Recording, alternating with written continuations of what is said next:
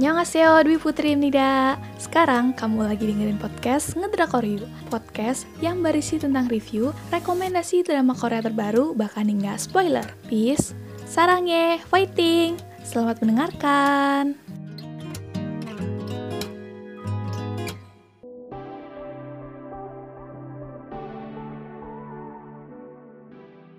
Annyeong ya Robun Kali ini Ngedrakor You bakal ngomongin tentang slot drama Korea yang tayang di hari weekend, yaitu hari Sabtu dan Minggu.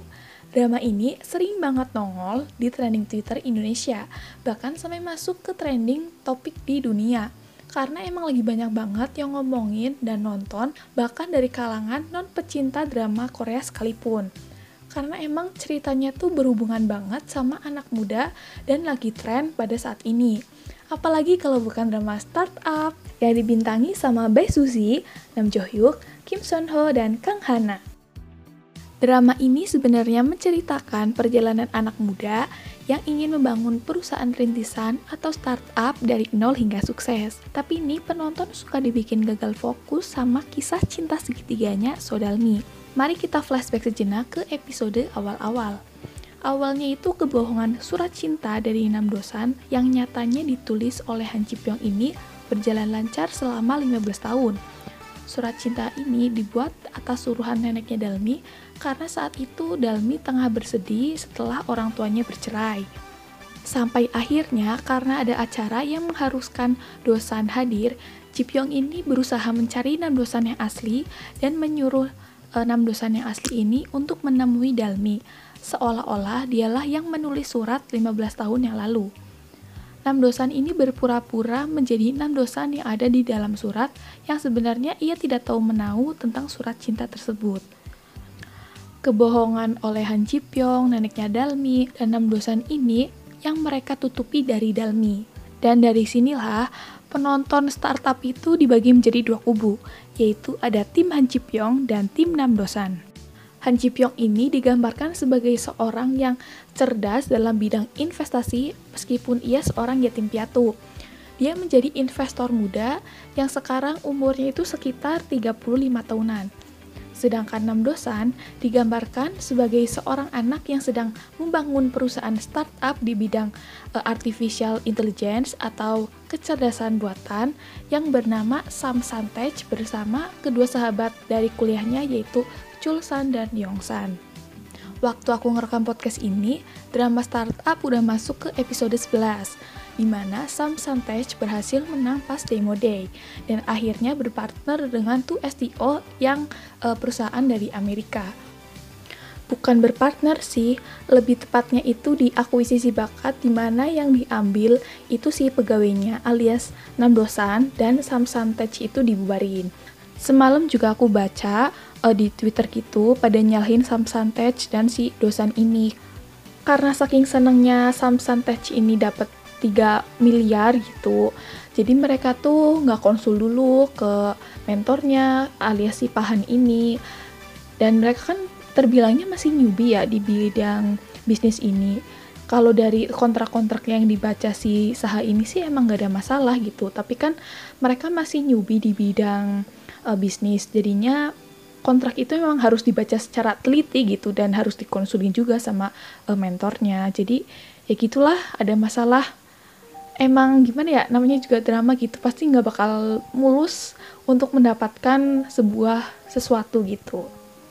Bagus juga sih di sini jadi uh, kita tahu lika-likunya untuk mendapatkan uh, kesuksesan dan emang hari itu hubungan antara Pak Han sama anggota Samsung Touch ini kan emang lagi nggak baik ya. Mungkin itu juga jadi salah satu faktor sih kenapa bisa terjadi miskomunikasi antara Samsung Touch dan uh, mentornya ini. Kalau dari chat yang dikirimin Dalmi ke Pahan ini sebenarnya dia tuh udah mencoba menghubungi loh, tapi mungkin gara-gara Pahannya masih sakit dan belum bisa uh, balesin pesan gitu. Jadinya pesannya si Dalmi ini terabaikan gitu. Terus waktu dia telepon kan juga bilangnya lagi nyetir tuh. Mungkin gak enak sih kalau mau ngejelasin uh, masalah kontrak lewat telepon gitu. Jadi uh, lebih enak diomongin kalau ngomonginnya itu secara langsung. Masalah ini menurutku karena kurang komunikasi aja sih antara si uh, Sam Santech dan mentornya. Kemudian dan si Alex ini juga nggak sepenuhnya salah loh, karena emang di dunia bisnis itu banyak banget orang yang kayak dia, yang licik, yang maunya tuh dapat enaknya aja gitulah intinya. Kalau dilihat dari preview nanti malam nih, alias episode ke-12, kayaknya Dosan dan Jipyong ini bakalan berantem sampai mukanya tuh bonyok gitu loh. Jadi masih ada waktu dua minggu ya sampai drama ini tamat. Masih banyak kemungkinan yang bisa terjadi. Yorobun di sini pada ngedukung tim yang mana nih? Tim Han Ji Pyong atau tim Nam Dosan? Kalau aku sih emang tim Nam Dosan sih ya dari awal, walaupun emang pendukung Han Ji Pyong itu banyak banget dibandingkan dengan pendukung Nam Dosan. Sampai orang-orang yang biasanya nggak nonton drama Korea pun jadi nonton startup karena oleng ke Mas Kim Son Ho yang manisnya kebangetan emang si Kim Son Ho tuh kalau senyum aduh ah emang bikin oleng gitu. Ditambah sama lesung pipinya yang dalam. Ah enak banget kalau dilihat pokoknya. Hampir runtuh bentengku untuk tetap di tim dosan. Tapi akhirnya aku tetap bertahan di tim dosan. Tapi dari pandanganku nih pendukungnya Han Ji Pyong ini lama kelamaan tuh annoying dan malah jadi toxic shipper gitu loh. Ngerti gak sih? Kayak dia tuh mendewa-dewakan si Han Ji Pyong ini untuk bersama Dalmi gitu. Ini aku nggak ngomongin semua fansnya ya cuma emang ada beberapa yang kebetulan aku lihat gitu di di Twitter di Instagram di TikTok gitu. Itu tuh mendewakan banget gitu. Feelingku ini tuh uh, cuma fans musiman gitu loh fans yang nge-hype pas dramanya juga lagi nge-hype gitu loh. Jadi cuma ikut-ikutan aja gitu nggak nggak ngikutin alur dramanya itu tapi cuma ngeliatin sih aktor Han Ji Pyong ini gitu ngerti gak sih? Aku beneran sedih banget sih waktu ngebacain komentar mereka ini yang toxic shipper ini ngejelekin si Nam Jo Hyuk alias pemerannya Nam Dosan. Gila sampai bawa kehidupan aktornya dong. Kata mereka tuh Nam Jo Hyuk ini nggak bagus ngebawain karakter Dosan. Dan seharusnya yang jadi first lead alias yang harus bersama Dalmi di ending nanti itu ya Han Ji Pyong ada juga yang berkomentar kalau Nam Jo Hyuk ini lebih cocok bersanding dengan Lee Sung Kyung yang merupakan mantannya sendiri. Mereka juga pernah main sih di drama yang sama itu Weightlifting Fairy Kim Bok Joo. Eh, pasangan Nam Jo Hyuk dan Lee Sung Kyung ini lebih cocok, lebih dapat chemistry-nya dibandingkan uh, dengan Bae Susi ini. Bahkan dari TVN sebagai channel yang menayangkan drama ini pun memberikan peringatan kepada orang-orang yang menjatuhkan Nam Jo Hyuk. Head comment juga terlihat di postingan Instagram terbaru Besusi, di mana ia mengupload foto setelah syuting berakhir dengan Kim Son Ho dan Nam Jo Hyuk di postingan yang berbeda, dengan selang waktu sekitar 14 jam. Di postingan bersama Kim Son Ho ini, tim Jupyong itu sangat sangat senang gitu, karena pose mereka berfoto itu sangat sangat dekat gitu dibandingkan dengan foto berdua Nam Jo Hyuk yang diupload beberapa waktu yang lalu. Uh, jadi antara fotonya Nam Jo Hyuk dan Suzy ini masih ada space gitu loh, sedangkan si fotonya Kim Son Ho sama Suzy ini nggak ada space gitu. Jadi mereka wah mereka deket nih gitu kebanyakan dari mereka ini berharap keduanya itu bisa berlayar di dramanya karena wajah mereka tuh yang bahagia gitu loh, seolah memberikan petunjuk untuk episode selanjutnya. Namun ternyata nih, Suzy juga membagikan fotonya bersama Nam Jo Hyuk yang lebih berkatan gitu dengan membawa buket bunga selang 14 jam dari postingan bersama Kim Son Ho masih ada juga nih komen tentang caption yang dipakai Suzy dalam postingan tersebut yang menuliskan tolong beri kami, kami yaitu Nam Dosan dan Sodalmi, banyak cinta gitu. Namun pada postingan tersebut, tim Jipyong juga ikut berkomentar di postingannya dengan Nam Jo Hyuk. Padahal untuk kedua tim ini sudah diberikan lapaknya masing-masing gitu. Kesel juga sih bacanya masih bawa-bawa Jipyong di postingannya Nam Dosan gitu. Head comment seperti ini mengingatkanku itu pada drama The World of the Married di mana tokoh Dakyung yang diperankan sama Han So Hee ini menerima banyak head comment dan bulian di akun Instagramnya sendiri. Apalagi yang membuli dia itu kebanyakan berasal dari Indonesia. Uh, sebenarnya aku tuh malu sih kalau bawa hal-hal yang menyangkut drama ini dibawa sampai ke real life si aktor aktrisnya ini Padahal kan itu hanya karakternya saja ya dibuat sama penulis gitu. mari aku analisis kenapa sih kita sebagai penonton gak boleh saling melempar head comment kepada Nam Dosan dan Han Ji Pyong karakter Jipyong dan dosan ini emang berbeda banget ya. Jipyong ini awalnya emang disuruh buat nulis surat cinta karena disuruh sama neneknya Dalmi. Menurutku, waktu dia nulis surat di awal-awal, dia tuh belum suka sepenuhnya sama si Dalmi gitu. Meskipun isi suratnya menandakan kalau dia suka, tapi dari tingkah lakunya, dari perilakunya, itu nggak nunjukin kalau dia suka gitu. Jadi dia asal nulis aja uh, dengan suruhannya si neneknya Dalmi ini.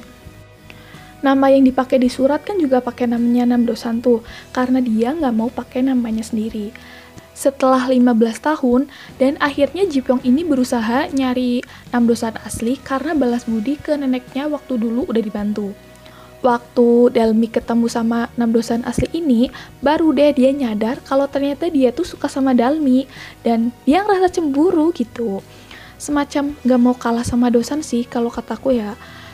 Kalau di awal-awal dia aja udah jujur gitu tentang perasaannya pasti Dalmi mau deh sama dia. Soalnya dia tuh orang yang dibalik dalam suratnya itu loh. Oh ya dan persyaratan dosan yang mau ngebantu Jipyong untuk yang pertama itu kan dosan bilang buat masukin Sam Santech ke sandbox tapi sama Jipyong kan gak dibantu tuh akhirnya juga si dosan ini kan masuk sandbox dengan bantuan Dalmi bukan bantuan Jipyong gitu. Han Jipyong ini emang tajir, mapan, ganteng, orangnya realistis, punya segalanya, ngomongnya tegas, uh, pelindung buat Dalmi, dan pinter gitu. Tapi sadar gak sih kalau orang-orang kayak gini tuh cuma ada di drama doang. He just too good to be true gitu dia terlalu sempurna untuk menjadi nyata. Kayak waktu Dalmi ada di luar kota, dia rela tuh ngejemput Dalmi jauh-jauh. Udah gitu dibeliin sandal, terus mau ngebukain botol minum, dan dia juga mau ngejawab pesan pertanyaannya Dalmi yang banyaknya sampai 400 pesan. But Ji kamu tuh terlalu ragu sama perasaanmu sampai kalah langkah kan? Kemudian, aku mau bahas nih, karakter dari Nam Dosan. Nam Dosan ini anak tunggal yang dari kecil orang tuanya itu percaya kalau dia itu pintar. Buktinya dia bisa mendapatkan juara satu Olimpiade anak SMA yang waktu itu dia ikut pas masih SMP. Tapi orang tuanya itu nggak tahu kalau Nam Dosan kecil ini nyontek satu nomor dan Nam Dosan ini ngebohongin orang tuanya sampai dia dewasa. Pas Dosan dewasa juga, orang tuanya tuh ngira kalau Nam Dosan ini CEO dari Samsung Tech di Sandbox yang mana sebenarnya CEO Samsung Tech ini adalah Sodalmi. Nam Dosan ini sama seperti kita sebagai anak yang gak mau ngecewain orang tuanya, berjuang dari bawah dengan banyak rintangan dan ekspektasi yang berlebihan dari orang tuanya. Dia ngerasa kurang banget, insecure dan takut buat bersanding sama Dalmi karena dia ngebandingin dirinya dengan Ji Pyong yang mana adalah orang yang ada di dalam surat dan punya segalanya. Tapi dia terus berusaha buat Dalmi karena Dalmi ini cinta pertamanya. Dosan juga orang yang pertama kali tahu tentang mata neneknya Dalmi yang mengalami penurunan penglihatan dan dia nyimpen rahasia itu. Nggak ada angin, nggak ada hujan, saat itu juga dosen yang baru ketemu sama neneknya Dalmi mau ngebuatin teknologi buat orang buta. Selembut itu hatinya sama orang yang baru dikenal. Ada yang bilang juga kalau startup ini bukan cuma judulnya aja, tapi juga karakter dalam diri dosan yang sedang merintis menjadi kehidupan yang lebih baik. Dosan menjadi berani dan bisa ngebahagiain kedua orang tuanya. Dosan ini seperti kita, anak muda yang sedang berjuang menuju dewasa, yang sedang menikmati manis dan pahitnya kehidupan. Jipyong ini juga bisa dibilang sebagai sandbox atau kotak pasir yang ada di bawah ayunan buat Dalmi. Dialah seolah pelindung agar Dalmi tidak terluka kalau jatuh dari ayunan. Dia yang menulis surat untuk menyemangati Dalmi setelah orang tuanya bercerai, kemudian menemukan dosan yang asli, memberikan masukan, dan juga mau menjadi alternatif investor jika gagal di sandbox kebanyakan dari kita pasti memilih Jipyong dari kelebihan yang dia punya. Tapi kita lupa kalau sebenarnya Dosan ini adalah orang yang dibutuhkan sama Dalmi. Dosan menjadi ayunan yang ngangkat Dalmi menjadi lebih tinggi. Dosan juga yang menginspirasi Dalmi buat memulai bisnis barunya. masuk ke sandbox, dan selalu berada di sisinya untuk mendukungnya. Sekarang emang Dalmi sedang ada di titik di mana dia mau jatuh dari ayunan tersebut. Dia bisa aja jatuh ke sandbox atau ke kotak pasir yang aman itu, atau dia memilih untuk berpegangan lebih erat di tali ayunan dan tetap mengayun. Dosan juga sedang berada di titik apakah dia akan terus menjadi ayunan bagi Dalmi atau menjadi seseorang yang mendorongnya dari belakang sama seperti yang dilakuin ayahnya Dalmi ke Dalmi dulu. Di episode 10 kemarin, Dalmi bilang ke Dosan kalau dia itu sayapnya. Dosan mencoba untuk membantu Dalmi ngerti kalau sebenarnya Dalmi itu nggak butuh tempat yang aman untuk jatuh ataupun mengayun lebih tinggi Delmi hanya perlu percaya ke dirinya sendiri karena ia punya sayap untuk lompat dari ayunan dan terbang lebih tinggi. Jadi intinya, jangan saling membenci karakter yang ada ya, karena ini cuma drama yang ditulis sama penulis dan yang dilakuin aktornya itu cuma acting untuk mendalami karakter tersebut. Kalau kalian sampai sebel sama karakter tersebut, artinya aktornya ini udah berhasil meranin karakter tersebut dengan baik. Jangan sampai gara-gara drama ini kita jadi berdebat karena berbeda pendapat. Drama ini juga cuma fiksi, jadi gimana pun nanti endingnya, jangan saling menghujat ya. Aku tutup episode ini dengan quotes dari Nam Dosan. Hidup menjadi kebanggaan seseorang adalah hal sulit. Harus sembunyikan banyak hal karena takut mengecewakan, harus berpura-pura hebat, juga baik-baik saja. Gomawo ya, yorobun.